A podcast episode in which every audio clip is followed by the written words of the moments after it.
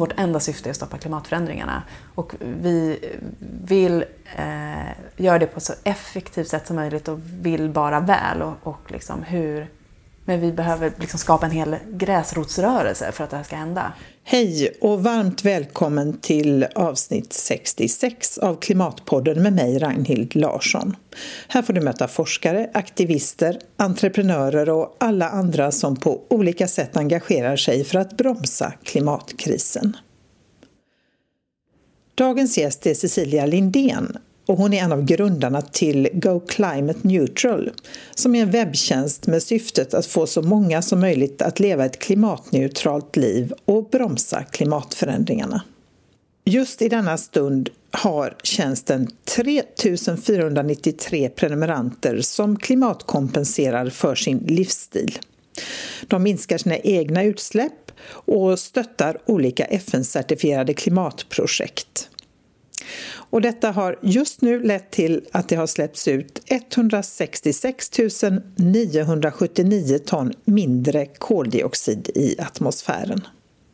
Jag träffade Cecilia i Göteborg i slutet av april för att prata om Go Climate Neutral och om hur detta med klimatkompensation egentligen funkar och vad som skiljer den här sortens klimatkompensation från andra.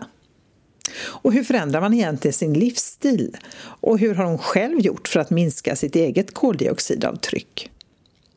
Vi pratade också om att förändra på individnivå kontra att förändra på systemnivå.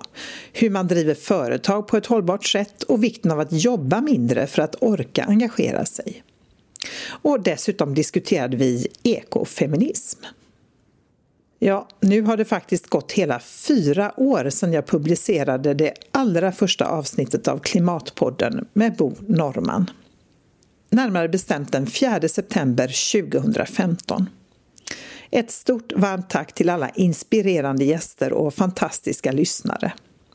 Ja, nästa år är det alltså femårsjubileum och det tänker jag fira lite extra. Att starta podden tillhör nog ett av mina bättre beslut. Då kände jag en tilltagande förvåning, frustration och irritation över att media knappt bevakade klimatkrisen och att politikerna inte agerade.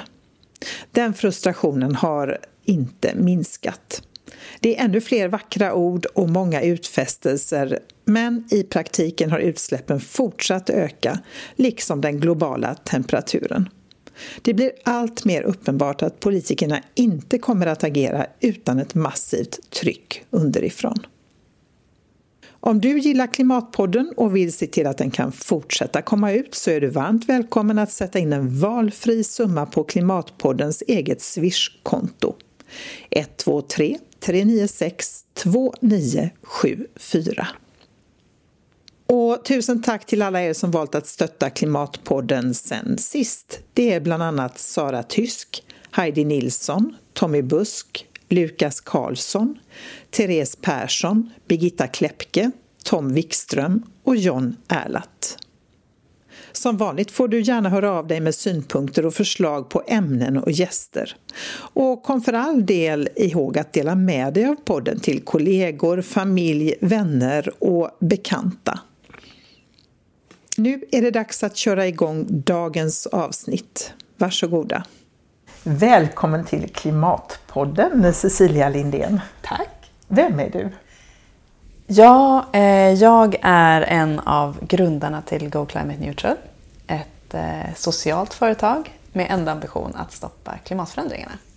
Eh, och utöver det så är jag en person som har... Eh, alltså jag är ekonom i grunden och pluggade för evigheter sedan. Eh, även marknadsföring. Och jag läste faktiskt en kurs i ekologisk ekonomi då. Så på något sätt, det här är ju 2000, jättelänge sedan, så på något sätt så fanns det väl kanske något intresse för de frågorna redan då. Men kanske inte så medvetet. Nej. Eh, ja. Berätta, vad är Go Climate Neutral då?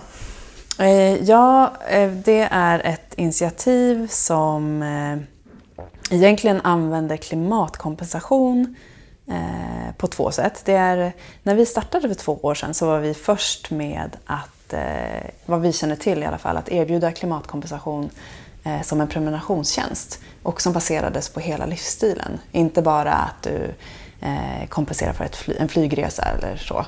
Eh, för egentligen allt som vi gör i vardagen har ju någon form av avtryck. Och då eh, tänkte vi att då är det lika bra att klimatkompensera Eh, för allt det. Ehm, och det gör det också mycket enklare att du har en så prenumerationstjänst. Du behöver inte gå in varje gång du har ätit väldigt mycket kött eller kört bil så behöver du inte gå in och eh, ta ansvar för det då utan du, det här rullar på. Så då, eh, tanken är att vi då har, använder oss av klimatkompensation på två sätt. Det ena är att kanalisera pengar eh, dit det behövs till klimatprojekt för att ställa om eh, till förnybar energi världen över och liksom skynda på den här utvecklingen eh, mot en hållbar framtid. Men också så vill vi använda det som ett sätt att få människor som kanske idag inte gör någonting alls för klimatet så vill vi göra något väldigt enkelt eh, som alla kan göra i stort sett, för det kostar inte jättemycket pengar. Eh, och eh, få människor att ta det där första steget för klimatet och sen så tänker vi att det blir mycket lättare att ta ett till steg. Att eh, också börja minska sitt avtryck om man inte redan har gjort det. Mm. Fast vi ser ju bland våra användare att eh, många har ett rätt lågt avtryck redan. Så flera av dem som faktiskt eh, redan har minskat sitt avtryck rätt ordentligt. Så vi har nog både och. Vi vill ju gärna nå ut också till de som faktiskt inte har kommit dit än. Mm. Och få dem att börja ta ett klimatengagemang och ansvar. Mm. Men hur, eh, alltså hur funkar det? Hur räknar man ut sitt avtryck då? För det börjar med att man räknar ut det va? Mm. mm. Exakt. Eh, det är väldigt enkelt. Vi har skalat bort otroligt mycket och bara valt ut de viktigaste faktorerna. För om jag, jag har ju beräknat mitt avtryck till exempel både på klimatkontot och klimatkalkylatorn. Och det tar mig kanske 45 minuter att göra det. Och då tänker jag att jag är intresserad och jag är lite nördig så att jag kommer att göra det fast det är lite jobbigt. Men en vanlig person kommer kanske inte sätta sig att göra det. Så därför så har vi valt ut de viktigaste faktorerna som då är eh, hur mycket bil man åker och hur mycket en person flyger och vilken typ av mat som man äter. Så att det är egentligen de enda frågorna som du svarar på. Och under det så har vi lagt in eh, offentlig konsumtion och även eh, uppvärmning, bostad, lite investeringar. Så att det finns en underliggande pott som räknas in automatiskt men som man, man själv inte ska behöva beräkna. Eh, och sen för att vara säkra på det, så då får du ett resultat. Eh, och för att vara säker på, för vi säger ju att eh, du kan leva ett klimatneutralt liv via oss. Eh, det finns ju lite osäkerhetsfaktorer så då dubblar vi det. Så säg att du kommer fram till att du har ett avtryck på snittsvenskens 11 ton. Då betalar du för 22 ton per år för att vara säker.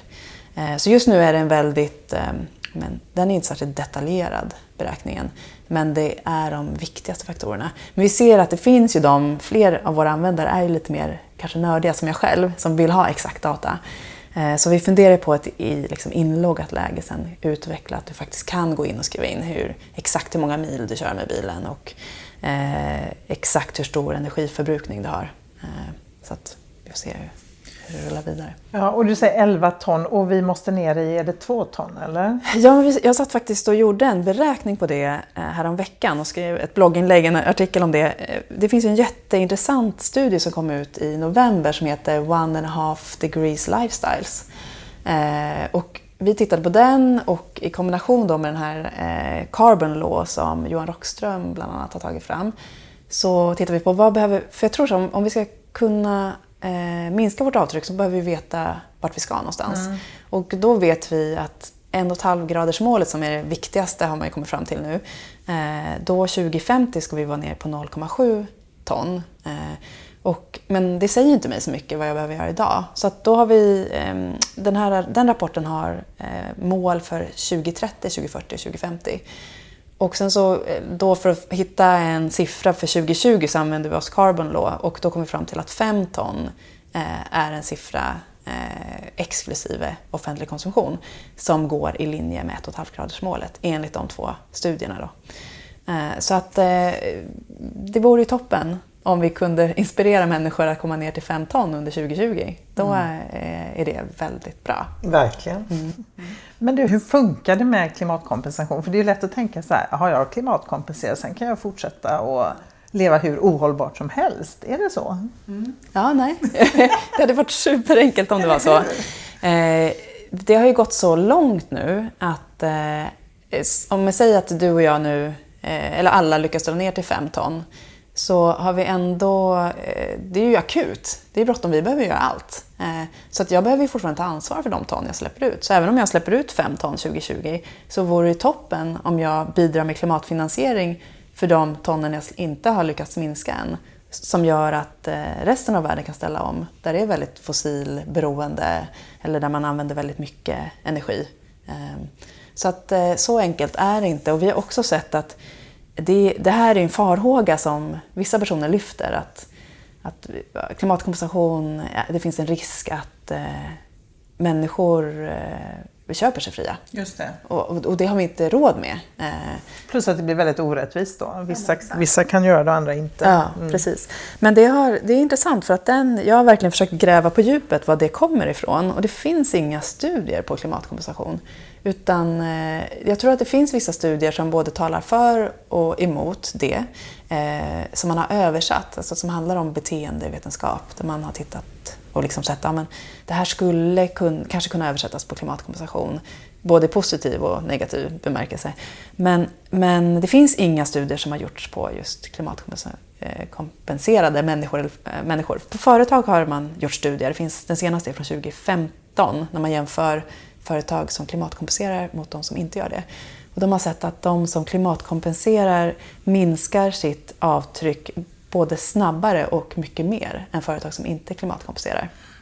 Så att vi skickade faktiskt ut en undersökning till, nu är vi närmare 3000 personer eh, som använder eh, Go Climate Neutral, men efter årsskiftet skickade vi ut, då var vi drygt 2000 tror jag. Någonting som, och eh, där, för att kolla av, så vad, få en indikation på vad är, hur ser människor på eh, klimatkompensation och hur gör de? Och där svarade 85 procent att de jobbar aktivt med att minska sitt avtryck.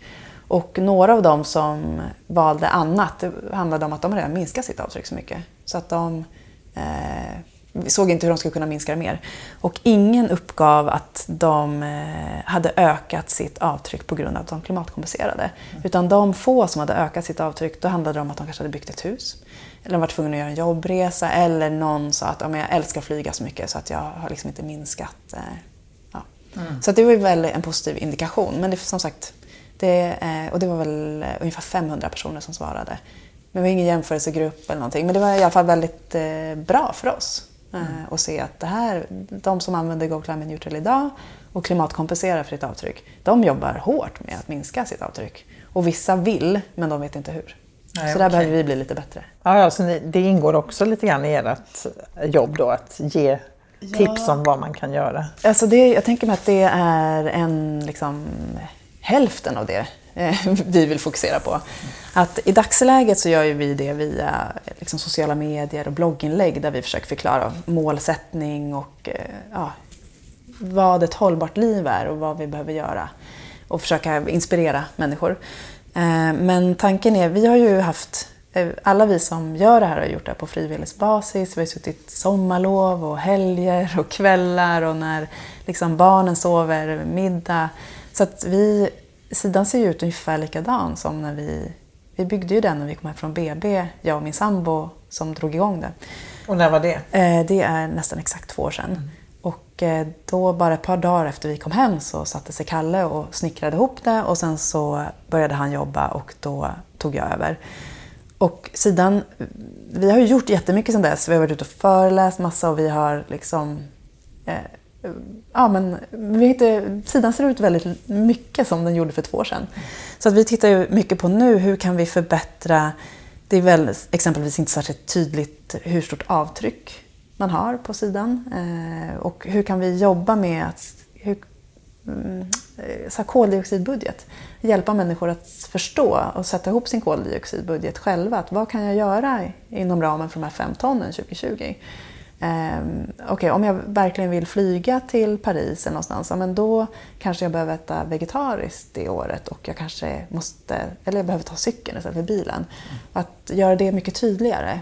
För jag tror att det är det, idag är det svårt att förstå det här med koldioxid och vad är ett ton och vad, vad är det som, exakt vad innebär ett ut, liksom att jag tar bilen till Mm, jobbet. jo, det blir ju ganska abstrakt. Ja. Så det är någonting vi, så att vi, vi vill lite vara Hans Rosling för klimatet. Att så här, hur kan vi göra det så enkelt att förstå vad, vad jag behöver göra samtidigt som enkelt också att ta ansvar för det, det jag inte kan minska eh, idag. Det kan jag ändå betala för eh, och på så sätt bidra på andra platser till en minskning. För det är ju extremt viktigt. Det saknas ju klimatfinansiering i hög grad. Och vad kan det vara för någonting man finansierar då? Kan du ge något exempel på det? Vad det Ja, det finns ju massa olika klimatprojekt. Vi eh, stöttar ju vissa, inte alla typer. Eh, men det kan vara eh, att man stoppar avskogning. Eh, jag tror tropiska skogar täckte ju förut 12 procent av världens yta och idag täcker det 5 procent. Och de är, skog är ju jätteviktig eh, kolsänka som suger upp koldioxid från atmosfären. Eh, men det är också de projekten som vi har fokuserat på, det är eh, förnybar energi. Så det kan vara sol, solenergi, det kan vara eh, eh, biogas, metan, ta hand om metan. Eh, men det kan också vara ja, med vindkraftverk. Så. Men sen så finns det också många energieffektiviserande projekt. För att ett problem är också att vi ökar ju vår energi efterfrågan, eller efterfrågan på energi årligen fortfarande. Vi behöver ju eh, minska behovet av energi. Um, så att det finns ju bland annat något som heter cookstoves när man ersätter eldning till exempel över öppen spis med eh, några speciella spisar, eller öppen eld eh, med spisar som gör att det både blir bättre inomhusluft men det släpper ut mycket mindre växthusgaser eh, när man lagar mat. Eh, Så att det är en bred, bred variation på eh, projekt som finns. Och ju fler människor och företag, för det som är häftigt nu är ett jättetryck bland företag också, som har vaknat och förstått att vi behöver minska vårt avtryck och för det avtrycket vi har behöver vi ta ansvar och klimatkompensera. Och ju fler människor som gör det, desto eh, fler projekt kommer ju kicka igång och desto snabbare kommer det här eh, rulla. Det blir lite snöbollseffekt helt Ja, enkelt då, för det i är, bästa fall. ja, men exakt. För det är någon form av marknad som har byggts upp sedan eh, några decennium tillbaka. Och det är ju liksom drivet som, av vanliga företag. Och ju, fler, eh, ju större efterfrågan, desto fler företag ser att det finns en affärsmöjlighet att satsa på förnybar energi och eh, hållbara alternativ. Så det är ju väldigt positivt. Vad har hänt på de här två åren då? Hur många har ni som eh, prenumererar på er tjänst? Ja, men för bara ett år sedan så hade vi väl närmare 400 och idag är det närmare 3000. Vilket vi är jätteglada för. Eh, och jag tror att det är kanske 27 olika länder som eh, använder tjänsten. Hongkong och alla möjliga, men det är inte så många. Vi har inte satsat utomlands. Vi har ju varit med en hel del i media i Sverige och lyckats sprida rätt så bra i Sverige. Men utomlands eh, känner vi att det behöver vi fokusera på nästa år. Eh, så vi har någon form av mål att komma upp helst till 20 000 i år för att vi ska göra så stor skillnad som möjligt. Och eh, gärna några hundratusen nästa år och satsa lite mer på utlandet. Eh, för om vi liksom ska lyckas svänga det här inom, vi har ju inte så många år, den här fönstret är öppet några år här nu när vi ska behöver ställa om. Det. Så då behöver vi bli lite mer aggressiva och nå ut till fler. Det blir stor skillnad för oss nu när vi, vi är ju tre stycken som grundare, det var jag, Kalle och en kille som heter Henrik. Eh, och, jag tror det blir, och nu är vi flera som jobbar med det här och det kommer, vi kommer alla gå över på heltid, eller många av oss kommer gå över på heltid strax. Så att då kommer vi kunna göra mycket mer. Vi har varit så begränsade tidigare tidsmässigt. Ja, det är klart. Ja. Eh, Jag skulle vilja höra lite grann om hur, eh, hur ditt klimatengagemang väcktes. Hur började det? ja, jag vet faktiskt inte. Jag... Eh, det finns ingen... Tänk mig de andra, Henrik och Kalle som också är med i Go Climate Neutral. De har väldigt tydliga, jag vet Henrik eh, hade väl inte tänkt så mycket på det utan kände att det här fixar politikerna. Och så kom Donald Trump in i bilden och han kände att det här fixar inte politikerna, jag måste göra någonting. Och så satte han sig ner och började läsa alla rapporter och gjorde den här filmen eh, Friendly Guide to Climate Change and What You Can Do. Och kände att jag behöver också ha någon form av enkelhet som jag kan erbjuda människor. Att det här första steget. Och Kalle han var, eh, älskade att åka skidor och flög ner till eh, Chamonix tror jag med sitt jobb. Och eh, blev väldigt tagen när de eh, åkte glaciären där och guiden pekade ut när de ska ta tåget tillbaka, tror jag, jag har aldrig varit där. Eh, så varje år får de bygga till några trappsteg eh, på den här trappan som tar sig upp till tåget från glaciären. För glaciären smälter så mycket mm. varje år. Och då insåg väl han att ja, men våra barn kommer kanske aldrig kunna åka skidor här där jag åker idag. Och det var nog en väldigt stor sorg för honom. Och där tror jag att hans eh, liksom, klimattänk kickade igång. Det blev väldigt personligt. Men alltså mitt har nog alltid på något sätt funnits där eh, i bakgrunden. Men eh, jag tror att jag var väldigt driven av roliga grejer tidigare. Jag valde jobb som jag tyckte var roliga medan mer och mer har den här meningsfullheten spelat roll. Så jag har inget specifikt ögonblick när det hände. Men, men jag började ju, innan vi drog igång så hade jag tänkt på det här och jag läser mycket och, eh, om det och har pluggat en del hållbarhet. Och känt att jag, en stor frustration över att det inte hände så mycket och att jag, det jag kunde göra påverkade var i alla fall min livsstil. Så då började jag minska. Eh, jag lyssnade bland annat på eh, Kevin Anderson som pratade med dig Eh, och då hade vi precis bokat en resa till Costa Rica där vi skulle surfa och yoga med vår son. Och det kändes jättejobbigt. Och eh, då eh, när vi stod på stranden på nyårsafton så frågade Kalle mig om jag ville gifta mig med honom. Och jag frågade honom om vi kunde ta ett flygfritt år när vi kom hem. Eh, och det gjorde vi, eller tog ett flygfritt år. Och sen så har jag inte flugit sen dess. Eh, så att jag, sen dess, jag tror 2016, det året när vi kom hem, då hade jag ett avtryck på eh, 14 ton ink offentlig konsumtion. Och idag har jag eh, 4 ton ink offentlig konsumtion som då är två. Eh, Bra jobbat! Ja, men tack! Ja, så jag kände att, men det som då under den resan så kände jag att det här, ja, det är jättebra det jag gör. Men det påverkar inte eh, världen. Nej, det stora hela. Nej, nej men exakt. Eh, och eh, det behöver göra något mer. Så då var det så härligt när vi drog igång det här. För både visar det sig att lite pengar kan ju göra jättestor skillnad någon annanstans. Så nu har vi kommit upp, alla som använder Go Climate Neutral, totalt har vi eh, kompenserat 100 000 ton. Alltså lyckas undvika att 100 000 ton släpps ut i atmosfären. Det är ju jättemycket jämfört med mina då två ja, ton som jag släpper ut. Verkligen. Ja. Mm. Eh, men också att nu ha, finns det en ingång till att, att prata med människor som kanske inte är så intresserade men som kan tänka sig att betala. Att nu har vi den öppningen att, att när de väl har eh, registrerat sig, för det första så förstår de ju att deras handlingar har ett eh, avtryck eftersom de fyller i hur mycket de flyger och etc.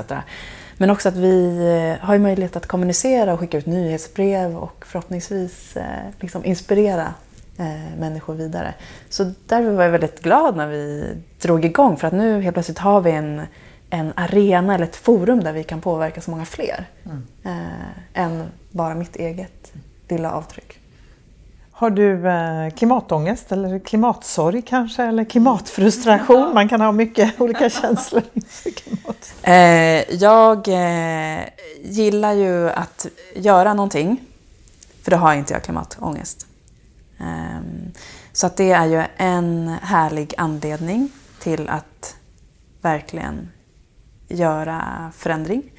Eh, men när jag, jag kan absolut få klimatångest. Jag tycker det inte var självklart att skaffa fler barn. Jag tycker det var läskigt att fatta beslutet att eh, skaffa ett till barn och inte veta vilken framtid eh, det barnet kommer ha. Hur, hur, vilka konflikter som kommer finnas och vad det kommer, vilka människor det kommer skapa. Ehm, Eh, så att, eh, men jag försöker inte tänka på det, men det är ju extremt eh, allvarligt. Men det hjälper inte mig. Jag, jag, jag, det förlamar mig bara. Mm. Så att, jag försöker inte, men ibland så läser jag ju någonting som gör att det känns väldigt, väldigt jobbigt. Mm. Och då också extra jobbigt när jag mm, märker att inte alla människor runt omkring mig eh, har samma förståelse eller agerar eh, för klimatet. Nej. Ja, det blir lite som att leva i två parallella världar. Man har en värld där man träffar människor som man känner, ja men du har fattat. Ja. Eh, och så den andra världen där man liksom inser att nej, alla har mm. inte fattat. Nej. Och då skulle vi ju inte ha de här problemen vi har såklart om alla hade fattat. Ja. Men, eh, men hur hanterar du det då i din, eh, i din bekantskapskrets ja. eller i din omgivning? Alltså jag, försöker, jag gillar inte sociala medier jättemycket, det tar mycket av min energi. Eh, men jag använder sociala medier som ett sätt att sprida att jag lever ett litet annat liv än många av mina många i mitt liksom, community. Eller, så att jag försöker, varje gång jag tar tåget på en resa, då måste jag lägga upp någonting om det när, eh, när jag gör andra val som är klimatsmarta och som kanske inte människor i min omgivning självklart gör, då försöker jag kommunicera det. Mm. Jag försöker att inte skuldbelägga ehm, utan, eh, och inte ifrågasätta andra människor, för att det vet jag är väldigt provocerande. Men jag, försöker också, jag tycker att det var väldigt skönt när den här, det finns ju en förändringsmodell som man kan ehm, tillämpa när det sker stora förändringar både i företag och liksom om någon går bort.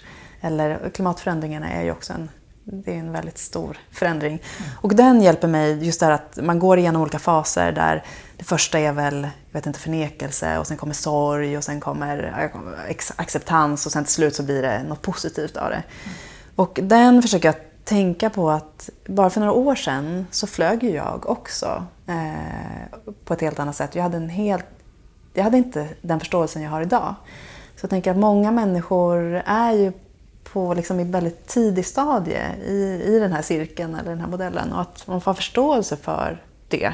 Att de måste gå, det tog ju jättemånga år för mig innan jag kunde tänka mig att gå från vegetarian till att i stort sett bli vegan. Mm. Um, och att alla människor har någon form av resa. Att vi måste försöka skynda på den där resan eftersom det är så bråttom. Ja, det är ju det som är problemet nu som kan göra ja. att man får lite, känner en viss panik ja. eller eh, frustration liksom, över att det går för långsamt. Mm. Men vad får du för reaktioner av din omgivning på ditt sätt att leva och uh, dina val? Och... Ja, men jag tror alla är ju väldigt uh, peppande ändå. Det är ingen som tycker att jag Eh, Eh, är en idiot på något sätt. Så att det är ju verkligen inte, det, det är bara positivt.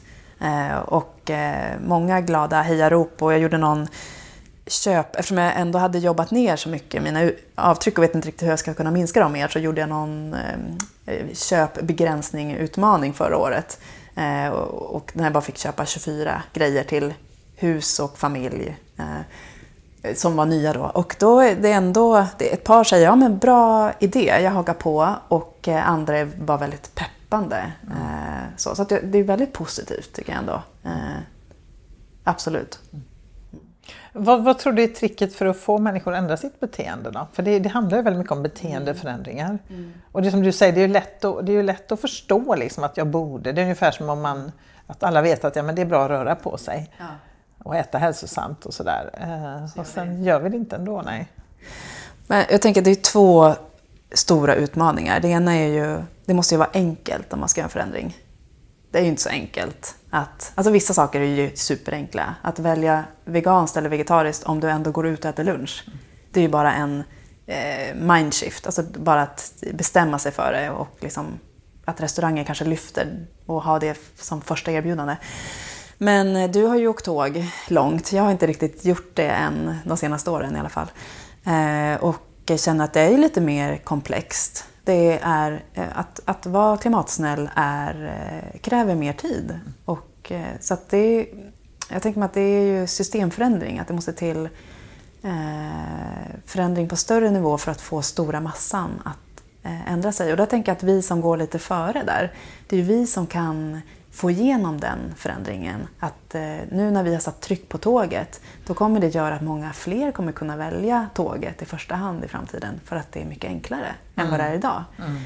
Um, så att, uh, jag tänker mig att det är en process som, där vi kanske inte kan få med alla på en gång för att det måste bli enklare. Och sen så utöver enkelhet så måste det finnas en belöning. Och den finns inte heller riktigt idag. Eller inte, I vissa fall gör den ju det. om man tänker på att cykla till jobbet istället för att ta bilen. Där finns en stor belöning både i kanske bättre hälsa och välmående. Och, liksom, och billigare. Ja, mm. precis. Men att ta tåget idag jämfört med flyget är ju ingen belöning. Det tar både längre tid och... Det är dyrare ofta. Ja. Mm.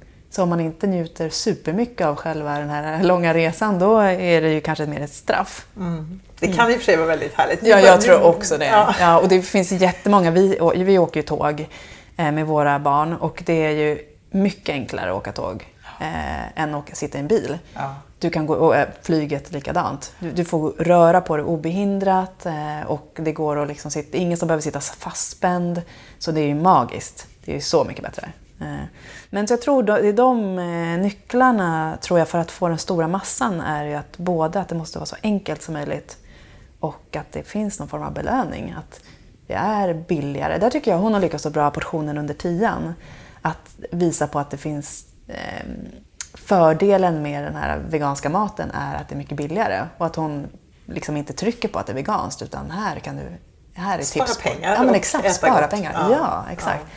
Det tror jag. Vi behöver hitta en annan, ett annat sätt att kommunicera. Men sen också kanske, jag tycker att alla har varit lite dåliga på att berätta om hur framtiden kan se ut. Ja. Det är mer att vi berättar om hur vi inte vill att den ska se ut. Det håller jag verkligen med. Mm. Kan vi måla upp en bild av hur ser ett samhälle ut som inte är fossilbaserat? Där vi kanske cyklar och eh, liksom där vi har mer tid för varandra. Och, och eh, jag tror att det kommer bli fantastiskt. Mm. Men jag tycker inte att de... Det var någon som sa att jo, men det finns ju i de här globala målen, där har vi den visionen.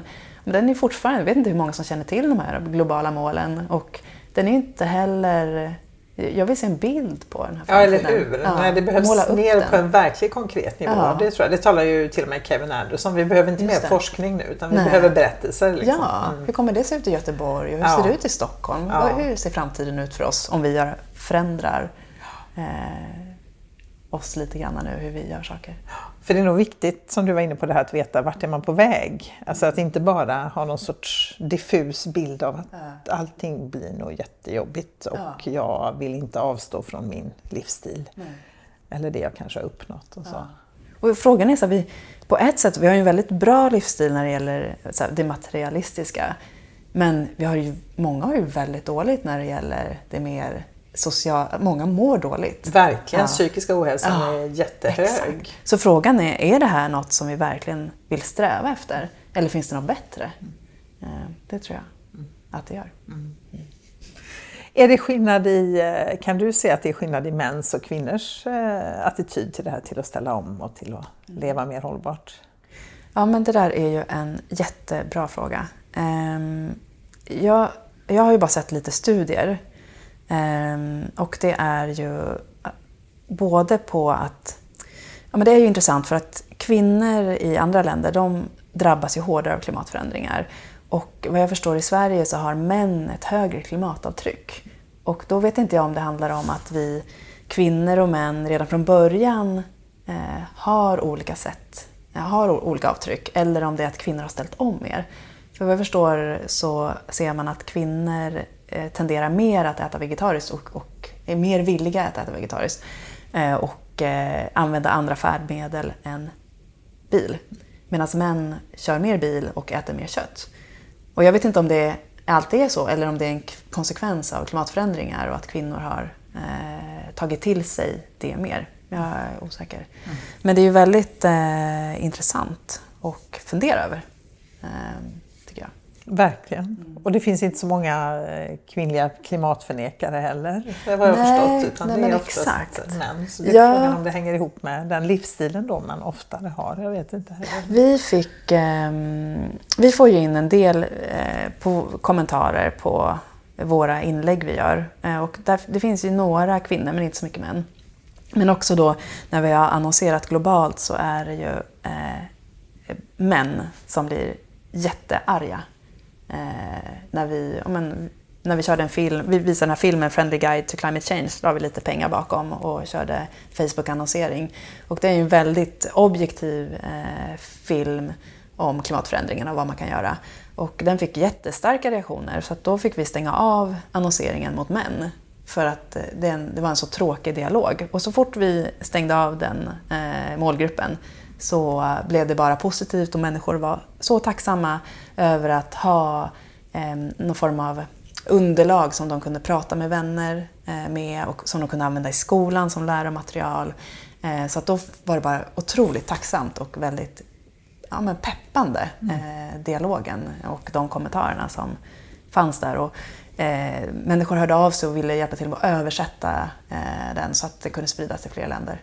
Så att det, eh, det skulle vara intressant att utforska mer eh, den kvinnliga och manliga aspekten. Om, men jag, tror, jag har också läst någonstans att eh, i länder som har en större jämställdhet, där har man en mer hållbar och snabbare tillväxt och utveckling.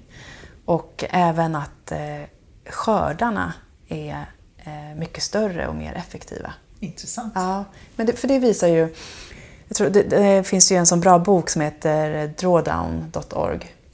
Eh, och där pratar de mycket om, de plockar ju upp studier från FN och olika, eh, ja, men, samlar olika eh, forskning. Och där eh, ser man ju att kvinnor, de får inte lika bra, eh, bra skördar på sin mark. Och det beror på att de inte har samma förutsättningar och samma resurser för att skörda marken. Och om man skulle ge kvinnor samma förutsättningar så skulle deras skördar öka något enormt. Och det skulle också innebära att man inte behöver hugga ner skog för att skapa ny mark. För när, skörden, när marken inte ger så mycket skörd, då behöver man hitta, eh, få mer markyta för att skörda mer. Mm. Så att det finns sån otrolig potential i små lösningar tror jag. Och just det här att förbättra jämställdheten. Eh, att det skulle både få bo, människor att bo bättre men också att få planeten att må bättre. Mm. Och det är spännande. Mm. Du, vad, vilka är det som prenumererar på er tjänst? Vet ni det? Vad är, vad är det för människor? Ja. Nej, vi har ingen aning. Nej, vi vet inte så mycket om dem. Vi träffar ju, eh, det är ju härligt, vi, vi eh, tar lite luncher och träffar folk då och då för att inte sitta i vår bubbla utan förstå lite mer eh, Eh, vilka det är. Vi bjuder in också till eh, meetups två gånger per halvår eh, när vi bjuder på lite middag och sen så kör vi eh, lite open space-format där alla får kasta ur sig idéer vad de vill prata om och sen delar vi upp oss och så kan man prata om det som eh, är intressant och relevant för en själv då inom ramen för klimatförändringar och vad vi kan göra åt det. Och, så där träffar vi ju en del av våra användare. Men vi har inte jättemycket data på dem förutom då hur stort avtryck de har. Vilket inte heller riktigt stämmer för många väljer att betala mer ja, ja. och bidra med mer. Och då har inte vi riktigt byggt ett system för att kunna särskilja vad som är ens avtryck och vad som är en bonus. Till exempel en person som har valt, som är jätteintresserad av klimatet och har valt att betala tillbaka hela hennes liv. Att liksom klimatkompensera för hela livet. Och ändå så, alltså fram till Till, till idag. Ja. Ja, hon, jag får mig hon är runt 50. Ja, otroligt. Så då har hon valt att liksom, eh, stötta klimatprojekt med liksom, för så många ton hon har släppt ut under sin livstid. Wow. Eh, och, och, samtidigt säger hon att jag förstår att det här inte är tillräckligt, men jag vill ändå, det känns ändå bra att göra det här. Eh, och så fortsätter hon på liksom, att vara aktiv i andra forum för att skapa förändring också. Så att, eh, ja, jag tror att det är en eh, blandning av människor. Eh, och jag tänker mig, jag hoppas att vi kan hitta forum där vi kan nå ut mer till, också till människor som kanske inte är så klimatengagerade eller klimatintresserade. Mm. Så att, för det finns, vi behöver som sagt bli väldigt, väldigt många fler. Mm. Hur når man dem då? Ja, men det kan ju vara bland annat via olika samarbeten. Vi har ett samarbete som lanseras nästa vecka som jag hoppas vi kan nå ut till Eh, en väldigt bred, eh, väldigt många människor. Men annars så, än så länge har ju vår styrka varit i att försöka bygga förtroende och få människor att dela med sig. För man vet ju att det är lättare att lyssna på ens vänner eh, och rekommendationer eh, än att kanske lyssna på eh, ett företag eller en annons. Eh, sådär. Men det är så att vi vet inte exakt eh, riktigt. Vi har lite idéer på bara hur vi kan utveckla tjänsten, hur vi kan nå ut till flera. Ehm, men eh, ja, vi får se hur vi gör. Men i dagsläget så är folk väldigt duktiga de, eh, på att sprida eh, ordet Ja, och, berätta vidare. Så de som själva har börjat prenumerera, de talar om för andra att de gör det och så? Det blir, många Ja. blir som ambassadörer. Ja. Jag tror också det är så bra det här meetup-forumet när vi har möjlighet att träffa dem så att de förstår att det är vanliga personer bakom att vi vill, alltså vårt enda syfte är att stoppa klimatförändringarna. Och vi vill eh, göra det på så effektivt sätt som möjligt och vill bara väl. Och, och liksom hur, men vi behöver liksom skapa en hel gräsrotsrörelse för att det här ska hända. Ehm, Så vi försöker också, det är jättemånga som hör av sig till oss och undrar så här, hur kan, kan jag bidra mer? Eh, Så vi försöker hitta någon, här, kanalisera det på något sätt och pratar nu om om vi kanske kan dra igång en Slack-kanal där vi kan sätta ihop alla de här människorna och se. Och Slack är ett sånt där eh, mötesforum kan man Ja, säga. man kan, ja exakt. Plattform ja, för- Mail, eh, ja, ett sätt att kunna ha kontakt. Mm. Och se hur vi kan liksom kanalisera alla de här människorna. Och den kraften som finns där. För ni märker att den finns. Ja, ja det är jättehäftigt. Eh, Det är ju jättemånga, vi vet inte bara vad vi ska göra. Vi, så, vi har ju inte så mycket tid och vi vet inte hur vi ska exakt kunna eh, nyttja all kompetens och all energi som finns. Eh, ja, det finns otroligt många människor som är måna om att eh, de förstår eh, att det är allvarligt och vill bidra med mer än pengar, men vet inte exakt eh, hur. Märker du någon skillnad där, tänker jag, på sen ni startade?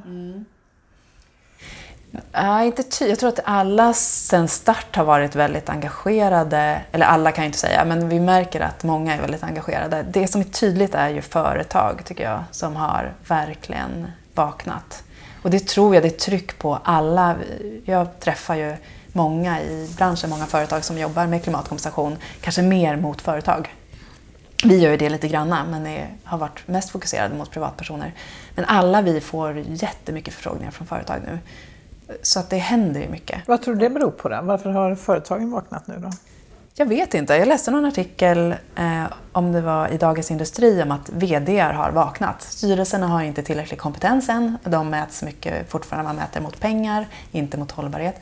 Men eh, det kan ju vara ja, liksom, sommaren. Förra sommaren märkte vi jättestor skillnad. Eh, När det var så extremt Ja, varmt och då torrt händer det så mycket. länge. Ja. Ehm, Så att jag tänker mig att en sån upplevelse blev det väldigt nära och påtagligt. Mm. Så den kanske vi ska vara glada över. Att det, så, ja, jag kan inte exakt härleda men jag tror det är, bubblar ju mycket just nu. Eh, och det är häftigt att se tycker jag också att Eh, köttkonsumtionen så man ju minska lite eh, från förra året. Eh, jag tror SJ hade väl en och en halv miljoner fler eh, tågresenärer eh, jämfört med 2017. Så det händer ju mycket och vad är det flyget inrikes har minskat och utrikes har trenden mattats av så att det är inte lika stor ökning. Men vi är ju inte i närheten av den här 16-procentiga minskningen som vi behöver ha årligen. Eh, Nej. Så vi behöver ju mer, men det är ändå, det känns som, jag känner mig väldigt positiv eh, till att det händer mycket och har stor förhoppning om att eh, Alltså, människor är mer och mer engagerade. Eller så lever jag i en isolerad bubbla. Bubbla, ja, det är det som är svårt. risken. Ja, den, den är Eller man ska säga att man, man rör sig lite utanför den bubblan och så blir man helt förskräckt. Va? Jo, den är svår att avgöra. Ja, eller hur? Ja. Jo, för det är lätt att tycka, men ju fler... Ju, ja, man lever som sagt i, i en eh, krets av människor där eh, fler och fler är engagerade och då blir det lätt att tro att det är så det här det är. Och så möter man, går man lite utanför den bubblan och då märker man att oj då, nej så var det kanske inte riktigt. Men, men, eh, men de här 16 procenten, hur ska vi lyckas med det då? Alltså jag tror en, eh, ett problem är att eh, vi har inte varit tillräckligt konkreta. Det är ingen, jag tänker när jag satt och försökte hitta ett mål för 2020 så är det eh, Världsnaturfonden har satt upp ett mål på 7 eh, ton och det är ju inklusive offentlig konsumtion så de landar ju på samma. Jag vet inte exakt vad de har baserat det på. Det står att det är i samtal med Världsnaturfonden och det är i samband med deras klimatkalkylator som det här kommer. Men det är ju ingen som... Vi behöver ju vara konkreta tror jag för att kunna... Speciellt de som eh, lättast styr mot konkreta mål. Och vet vi inte att här, det är fem ton vi ska mot 2020. Då är det ju väldigt svårt att... Vet vi bara att vi ska minska så eh, då kanske jag tror att det räcker att jag äter vegetariskt en dag i veckan. Mm. Då har jag minskat mitt avtryck. Mm. Men när det är i linje med Parisavtalets 1,5 graders mål, eller det är IPCC-rapportens, eh, det vet jag inte. Nej. Och det är samma sak, jag tycker det var intressant, jag var och lyssnade på um, Naturvårdsverket som släppte sin rapport eh, om, eh, om vi ligger i linje, den här klimatfärdplanen, om vi ligger i, i linje med att klara fossilfritt Sverige 2045 eller vad det är, och fossilfria transporter 2030. Det gör vi inte. Men jag vet inte ens om de målen vi har, ligger de i linje med 1,5 graders målet? Nej, just det. Eller är det, hamnar vi på 2 grader då? Eller hamnar vi på 2,5? Om vi klarar de målen som Sverige har satt upp? Det är jag osäker på. Det har inte varit tillräckligt tydligt för mig. Så jag tror att vi behöver vara mycket tydligare. Hur ska en vanlig person förstå vad den ska göra om eh, det inte är tydligt? Mm. Men ja, nej, så att jag vet inte hur vi... Jag har stor förhoppning om att vi kommer greja det. Att det men, men jag vet inte exakt hur. Men jag tänker mig... Alltså jag tror att vi har en jättebra ingång att just det här med klimatkompensation, att det är inte så jobbigt. Gör du ingenting idag, eh, att välja till att klimatkompensera, det är enkelt för många. Och då helt plötsligt kanske vi kan skapa den här attitydförändringen också på sikt. Och inte när man har gjort, tagit ett litet steg för klimatet, då kanske det blir svårare att göra dåliga saker för klimatet. Mm. Ja. Det, det, är svårt att backa ja, när man väl har börjat. Ja. Eh, men, eh, men jag tycker också, om jag tittar på mig själv så lyckas jag gå då från det jag kan påverka 12 ton till 2 ton ja. på två år. Ja. Och det har verkligen inte varit en uppoffring. Vi har gjort fantastiska saker med familjen. Vi har liksom cyklat runt Bornholm och tagit tåget dit. Vi har vandrat längs med Skåneleden, en Simrishamn upp till Kivik, längs med stranden och liksom, eh, eh, tagit tåget dit också. Vi har tagit tåget upp och gått den här Jämtlandstriangeln. Vi har varit i Hemsedal med tåg och vandrat på Sörmlandsleden. Det är, vi har ju varit nere på, i Köpenhamn och käkat på den här Noma eh, och ätit en vegansk 16-17 rätters mm, middag. Ja, så jag tänker att mitt liv har ju inte på något sätt blivit sämre. Och, så jag tänker att vi behöver för, förebilder. Vi skulle behöva lyfta det är något jag funderar mycket på om man skulle kunna göra en kampanj där vi lyfter personer som inte har ett högt avtryck och som folk kan relatera till. Precis. För då kan vi helt plötsligt kanske, det här 16 procent, vi kanske kan minska 70 procent då ja. eh, på ett par år. Ja. Eh, när man inser, okej okay, men den här personen har samma livssituation som jag och den har gjort så här. Ja, ja men då kan jag också mm. det. Ja, men jag det. tror jättemycket på det, just att kunna identifiera sig. Eh, och, och, inte och förstå att det inte bara innebär uppoffringar. Liksom. För vi är så fast i det sättet att tänka. Mm eh, och i det här konsumtionssamhället på något sätt. Ja. Och så gör man som man alltid har gjort. Ja. ja men verkligen. Och inte inser kanske att vilket slöseri med tid att springa i affärer och det gör att jag måste tjäna mer pengar för att kunna uppehålla den konsumtionen medan jag skulle kunna lägga den tiden på att vara med familj, vänner eller göra något annat härligt. Liksom. Mm. Mm. Ja. Vad tycker du själv har varit svårast eh, att Eh, när du har minskat ja. ditt avtryck? Jag tycker delvis var en utmaning för mig att gå från att äta vegetariskt till att äta veganskt. Jag hade ingen riktig motivation, kände jag för det. Eh, och eh, min sambo ville gärna att vi skulle göra det av djurrättsskäl. Och jag, för mig var inte det ett tillräckligt argument av någon anledning. Ehm, så jag inser ju att människor motiveras av olika saker. Man behöver hitta sin egen eh, motivationsfaktor för att, det ska, för att man ska lyckas förändra.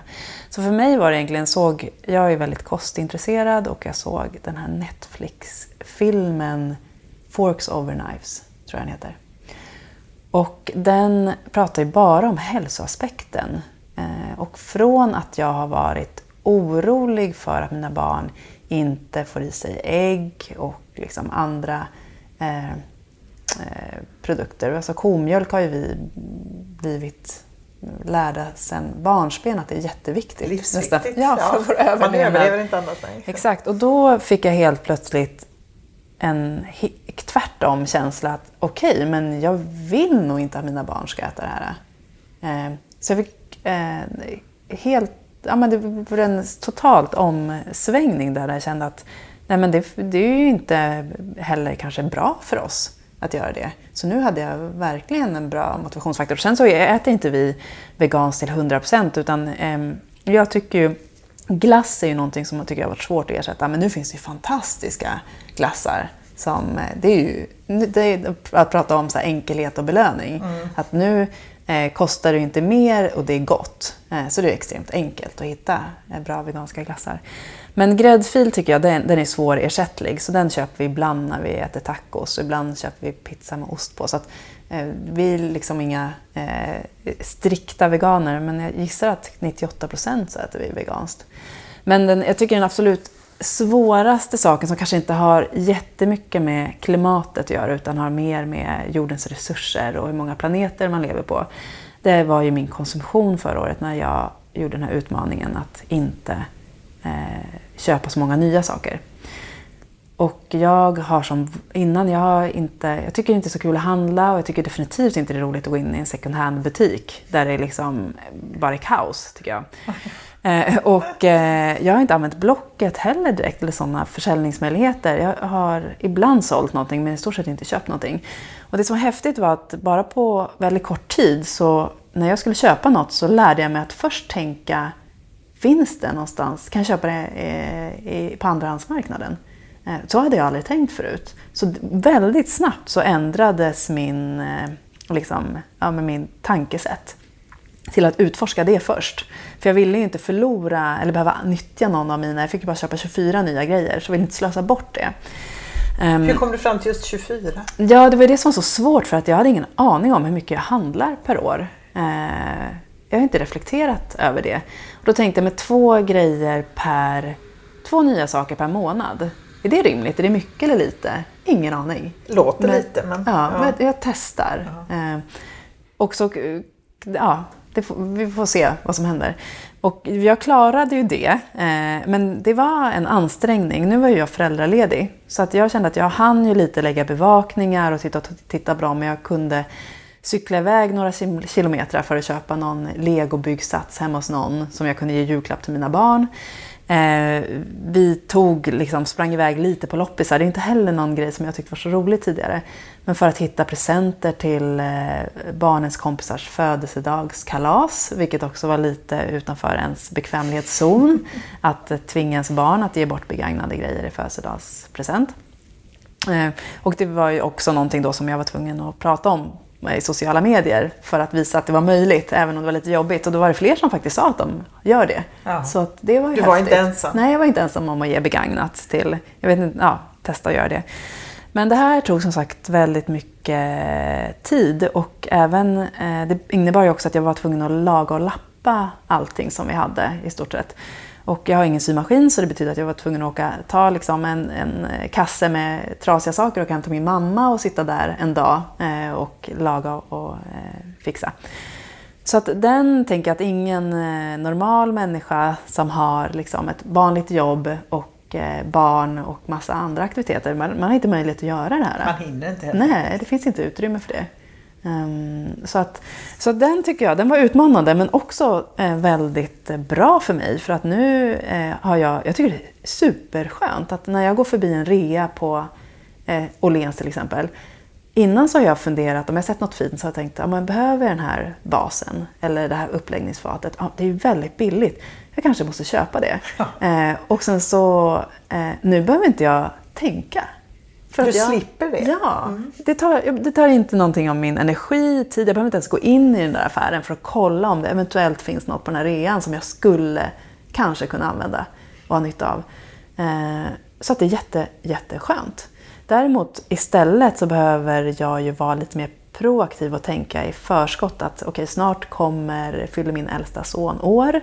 Eh, och Eh, redan eh, liksom några månader innan kanske börja kolla i olika second hand-butiker och på Blocket om de här sakerna som jag vill köpa till honom finns.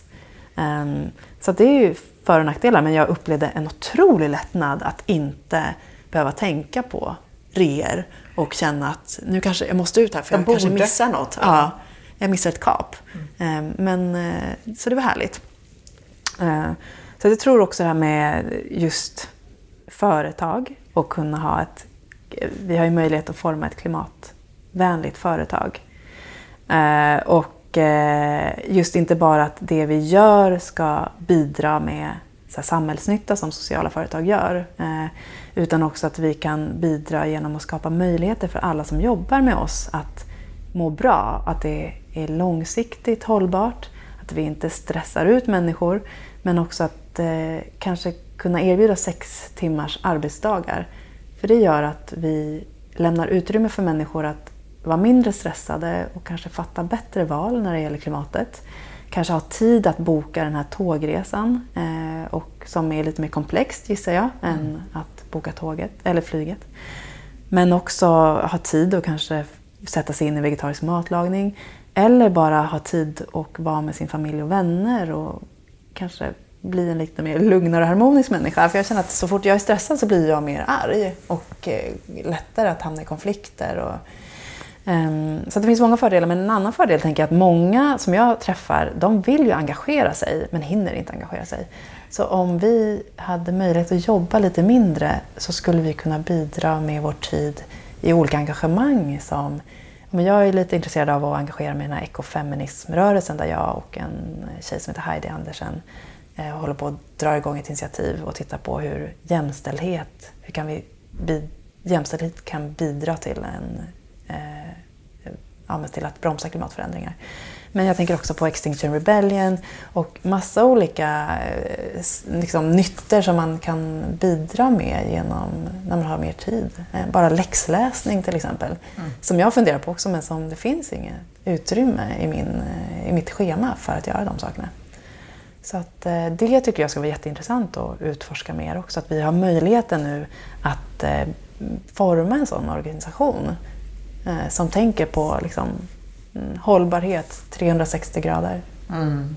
Ja. Inte bara i produkten ni levererar Nej, utan hur utan ni arbetar också. Ja, exakt. Men, men hur, hur gör man, för jag tänker vi är ändå då fastlåsta på, på ett sätt i ett system. Hur gör man det när det finns så mycket drivkrafter då för att det ska vara ett visst antal timmar man jobbar och ja, mm. sådär.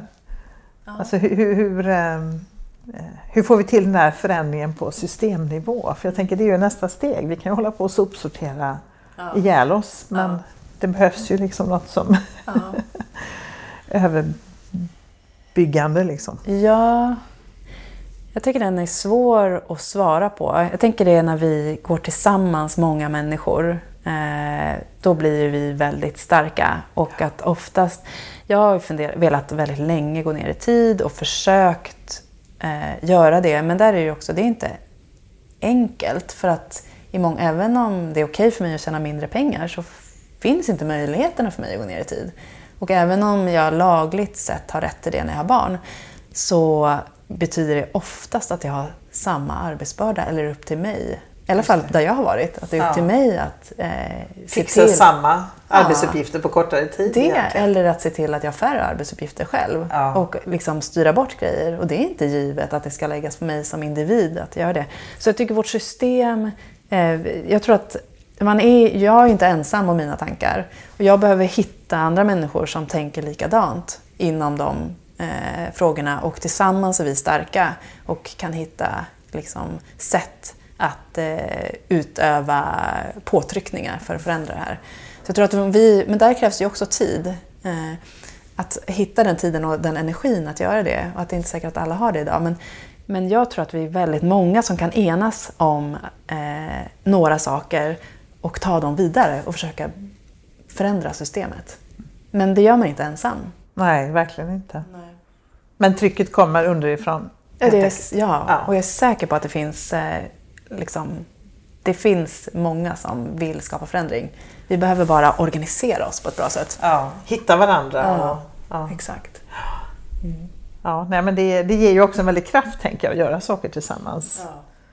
Än att sitta själv hemma och försöka. Ja, och jag tänker det är skönt också att inse, ofta så tänker jag i alla fall att jag är väldigt ensam om eh, mina tankar och eh, att jag vill göra jag jag gillar ju den här normkritiska. Att, här, varför gör vi på ett visst sätt? Gör vi det här bara av ren slentrian? Vi måste, det här måste gå att göra bättre. Mm.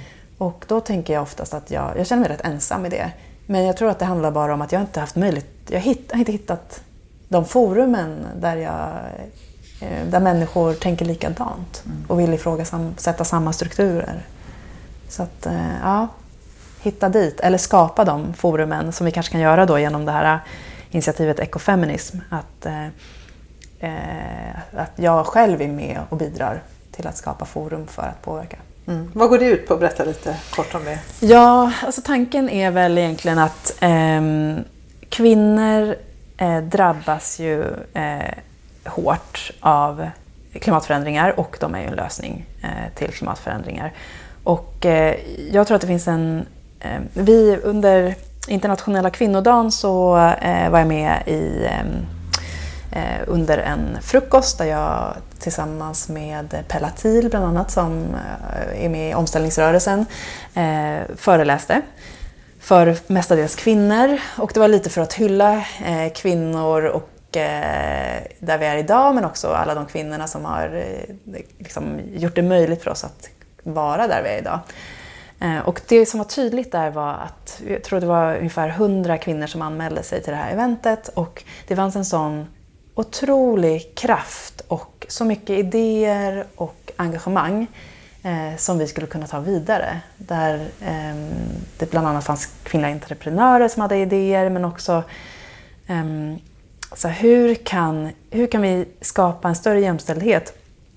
Bland annat men, i FN, på EU-nivå, på nationell nivå. För bara genom att skapa en större jämställdhet så kommer ju, eh, får vi en större balans mellan Ja, men säg då om kvinnor har varit bättre på att gå över till vegetariskt och att eh, minska sitt bilåkande eller inte ta bilen överhuvudtaget.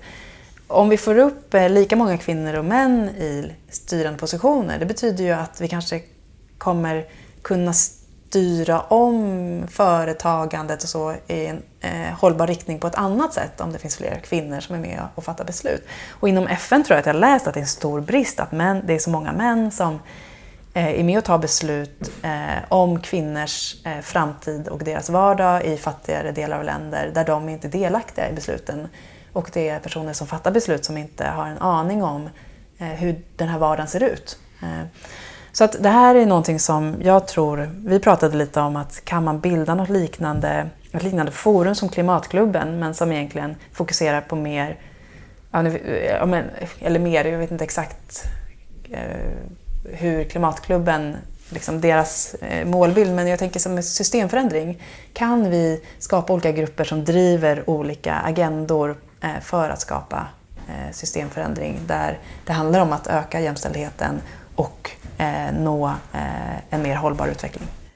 Jo, jag tänkte på det här, din drivkraft att driva ett företag. Alltså, mm. hur, hur kan man förändra genom att, sättet att driva ett företag? Mm.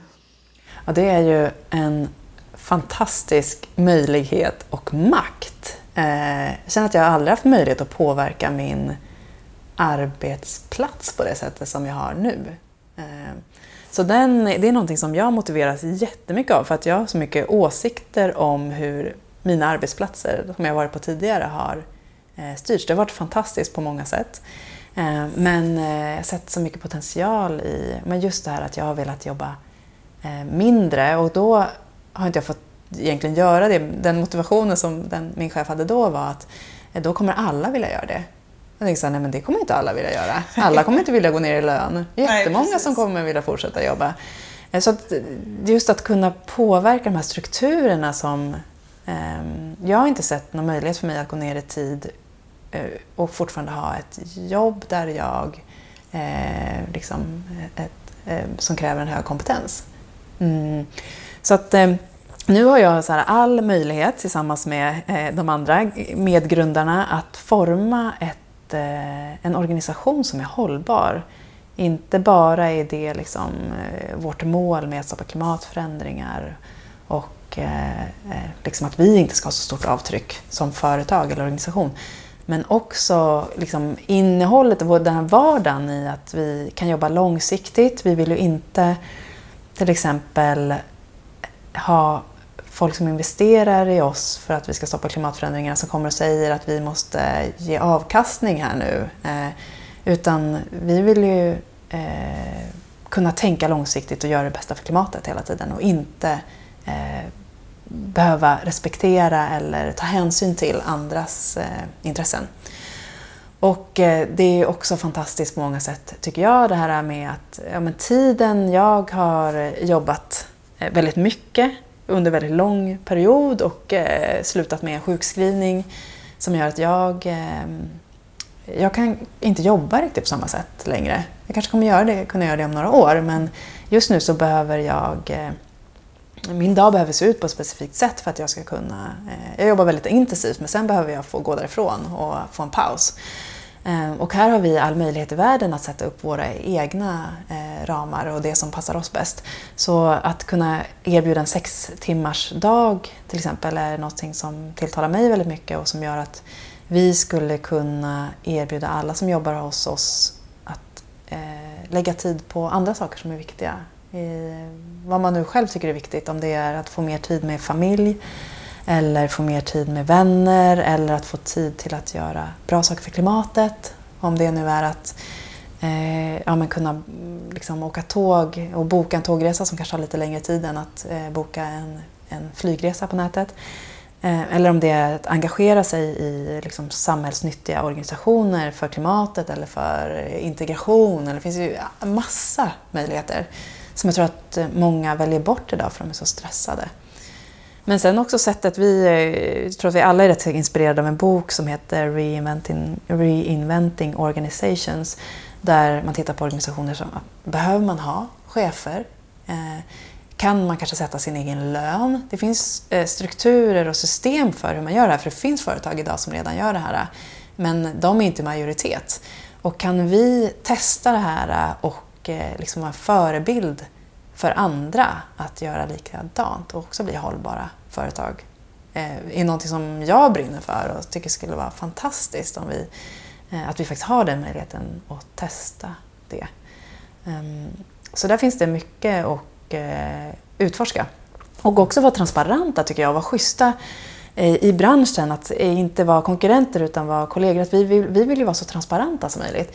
Vi, I dagsläget gör vi delvis för att vi inte är en ideell organisation och för att vi, eller förening och vill kunna visa på att men det, här, det här är våra fakturer, så här mycket betalar vi i lön. Att, liksom, vi har ingenting eh, att förlora på att vi visar upp det här för alla. Och kan vi dessutom göra saker eh, som kanske kostar eh, andra företag att Eh, eh, liksom erbjuda tjänster gratis idag. Vi delar med oss av eh, men vi blir mer transparenta. Jag älskar Teslas sätt där de har liksom hela teknologin finns tillgänglig för alla. Kopiera oss. Mm. Eh, för det är så vi skapar förändring snabbt. Så inte så mycket företagshemligheter då? Nej, men exakt. Mm. Det tyckte jag var intressant när vi skrev våra anställningsavtal här nu också. Att vi, det finns ju jättemycket klausuler och att det här är hemligt, du får inte gå till en konkurrent. Och allt det har vi bara raderat.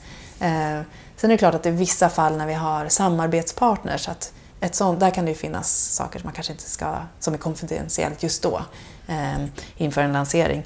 Men utöver det så, så vi men det här måste gå att göra annorlunda, inte ska det vara så Ja, men kan du göra jättenytta hos en konkurrent? Ja, men det är jättetråkigt att du vill gå vidare, men fine, då kommer väl du förändra världen och stoppa klimatförändringarna där istället. Ja. Um, så att en lite mer, kanske förhoppningsvis en modern syn gissar jag. Ja. För det är inte heller så kul tänker jag att ha kvar en medarbetare som kanske inte vill vara kvar. Eller som, ja, att Nej. det blir en större rörlighet då. Då kommer det förhoppningsvis någon ny som ja, är jättesugen på ja. att jobba med er då. Ja, men precis. Ja. Så, att, eh, så det tycker jag är spännande att se var det landar. Men att vi kan utforska det och testa. Mm. Spännande. Ja. ja. Men då önskar jag er lycka till. Det blir spännande att se vart det tar vägen och hoppas att ni får riktigt många nya prenumeranter då som vill klimatkompensera. Ja, gärna några hundratusen här ja, snart. Det, det vore fantastiskt. Ja. ja. Tack så jättemycket för att jag fick sitta här och prata med dig en stund. Men tack själv.